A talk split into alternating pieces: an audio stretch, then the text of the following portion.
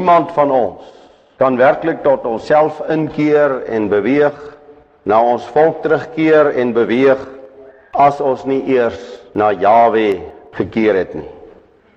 As ons luister na die woord, dan sien ons die mens, die enkeling. Dan sien ons die volk van Jawe deur die tye met hierdie geweldige roep keer terug na Jawe. En ek wil vra geliefdes, u weet as 'n mens nou so op die oppervlak beweeg op die gewone terrein, dan sal u sien dat die terugkeer van die mens en die kerklike wêreld bestaan uit 'n soort vernuwing. Jy kan maar altyd oplet.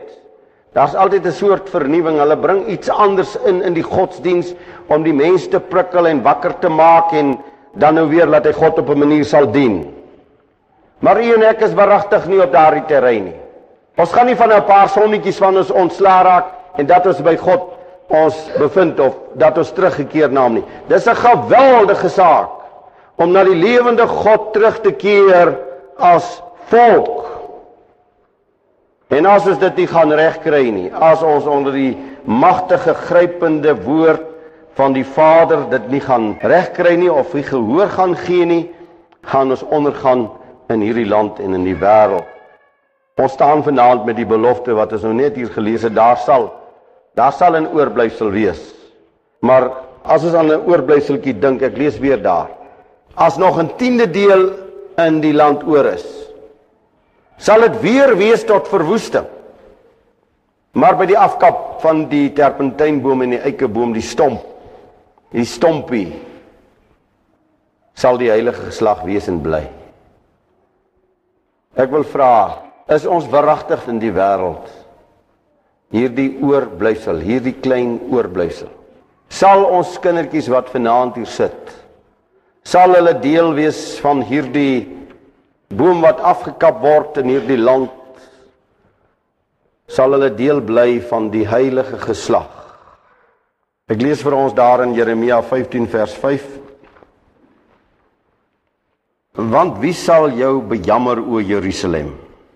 Of wie sal met jou medelee hê? Of wie sal uitdraai om na jou welstand te vra? Jy het my verwerp, spreek Jawe.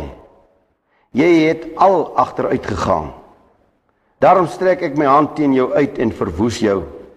Ek is moeg om berou te hê. En ek wan hulle uit met 'n gaffel by die ingange van die land. Ek maak my volk kinderloos Hulle kom van hulle weë nie terug nie. Net klim lê in hierdie gedeelte. Hulle kom van hulle weë nie terug nie. Jaweh skryf hierdie verskriklike woorde oor oor die volk uit.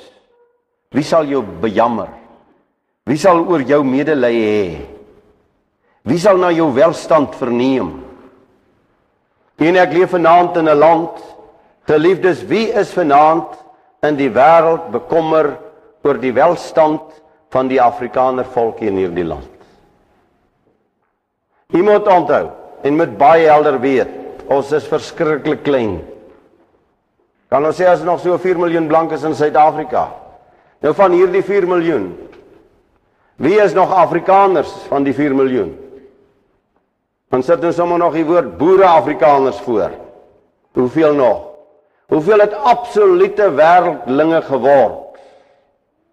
En hoeveel as ons na die godsdienstige wêreld kyk? Hoeveel se aanbidding tot die lewende God is waaragtig? Moet ek weer vanaand herhaal en ek praat van ek praat van 'n heel klompe jaar gelede. Ek praat van byna 34 jaar gelede wat ek in die bediening begin het en die NG Kerk gemeentes getoets het Hoeveel van ons mense het waaragtig 'n verhouding met die lewende God? En die drie gemeentes wat ek kon klaar toets, die vierde een kon ek nie. Was daar 10% wat 'n getuienis kon lewer dat ek verhouding het met God, dat ek weet ek is verlos. Nou as dit soveel jare gelede daai presentasie was, wat is dit vanaand? So waar staan ons? Wie sal met ons medelee hê? Wie sal omgee? En in die terugkeer na Jawe, hierdie oproep keer terug na Jawe. Daar lê ons heil. Daar lê ons kinders se heil vir die toekoms. Saul, koning Saul wou na sy struikeling in sy godsdienstige lewe wou hy so ter graag terugkeer na Jawe toe en die deur was vir hom toegemaak. Hy pleit by Samuel om vir hom nog te bid. En God het sy rug so gedraai op hierdie man dat hy hom wend tot 'n heks om vir hom die toekoms te voorspel. Hy wou terugkom. In Hebreërs hoofstuk 6 lees ons dit is onmoontlik om die wat eenmaal verlig geword het en die hemelse gawe van God gesmaak het en die Heilige Gees deelagtig geword het en die toekomstige dinge en afvallig geword het om die weer tot bekering te vernuwe. Dis onmoontlik om terug te keer na God toe. Wat 'n verskriklike woord. Die groote, wonderlike, dierbare, genadige. Daar's 'n plek waar jy nie kan terugkeer nie. En u en ek vra vanaand kan dit waar wees. Ja, geliefdes, dit is waar.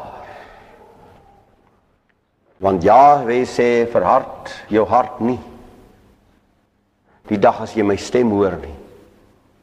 Verhard jou hart nie. Want God Jahwe is nie oor u en my verleë nie. Hy beweeg na ons toe en hy beweeg by ons verby as ons nie op hom ag gee nie. Daar is dis 'n tyd, daar's 'n bepalende tyd. Daarom sê 2 Tessalonisense 2 vir ons dat wanneer God hierdie genade lyn uitstuur na ons toe en jy nie ag gee nie, dan sê hy dan sê hy sal die krag van die dwaling, hy sal die krag van die dwaling onder die volk instuur. Dis verskriklik as Jawe prys gee. Daar is geen omdraai nie. En baie van sy bewegings Geliefdes, baie van ons is hoog begenadig. Jawe sal 10 keer, 20 keer, hoeveel keer na ons toe uitdraai. Partykeer net eenmaal. Jy moenie vir my vra waarom nie. Want eenmaal kniel 'n jong man voor hom in die straat en sê: "Wat moet ek doen om die ewige lewe te beerwe?" Hy sê onderhou die wet. Hy sê maar dit doen ek van my kinderjare af. Hy sê verkoop alles wat jy het en kom hier en volg my. En hy het weggestap van die Messia af. Hy het weggestap, hy het daardie een geleentheid gehad. Net daardie een geleentheid. Eenmaal beweeg Yeshua in Jerigo in, in die groot stad Jerigo. En 'n blinde hardloop en val voor hom en roep uit: "Rabboni, dat ek tog sal sien." Eenmaal die geleentheid. Want dit is so ryk om by God Jahwe uit te kom, geliefdes. Dit is so groot, dit is so geweldig. En die oproep wat deurwerk, ons kry dit baie pragtig in Malagi 3 vers 7. En ek lees net die laaste. Nou staan daar ek wil na julle terugkeer. Keer terug na my en ek wil na julle terugkeer sê Jahwe van die leerskare. Maar julle vra waarin moet ons terugkeer? En dit is die probleem. Waarin moet ons terugkeer? Want almal van ons lees Bybel en almal van ons bid en almal woon die erediens by. En almal is godsdienstig. En almal aanbid. Waarin moet ons terugkeer o God Jahwe? Waarin? Hy skryf daar verder wat hy van hulle vra. Kom ons lees ook Hosea 7 vers 14 16. Ook roep hulle nie van harte na my nie. Maar jammer op hulle bedde ter wille van koring en moskerwe hulle hulle self stikkend. Hulle is opstandig teen my. Alhoewel ek hulle arms geoefen versterk het, het hulle kwaad teen my beraam. Hulle keer terug maar nie na bo nie. Hulle is soos 'n bedrieglike boog, hulle vorste sal val deur die swaard weens die skelwoorde van hulle tong. Dit is hulle bespotting in Egipte land. Jy sien keer terug. Waarin moet ons terugkeer? Waarin? Hulle roep nie van harte na my nie. U sien die die groot probleem is as jy baie goed luister, ek praat van die gelowige mense in die land. Dis in aanhalingstekens. Waarom is daar benoudheid in die Afrikaner volk se hart? Wat is sy probleem en sy bekommernis? Die eer van God? Nee. My tydelike lewe, my tydelike besittings, my tydelike bestaan. Dis die probleem. Soek eers die koninkryk van God en sy geregtigheid en die ander dinge sal ek vir julle byvoeg. Ons mense is nie vanaand in hierdie land enigsins bekommerd oor Jawe nie, oor die waarheid van sy woord nie, oor die heil van ons kinders môre en oormôre nie. Hulle is bekommerd oor vanaand se besit.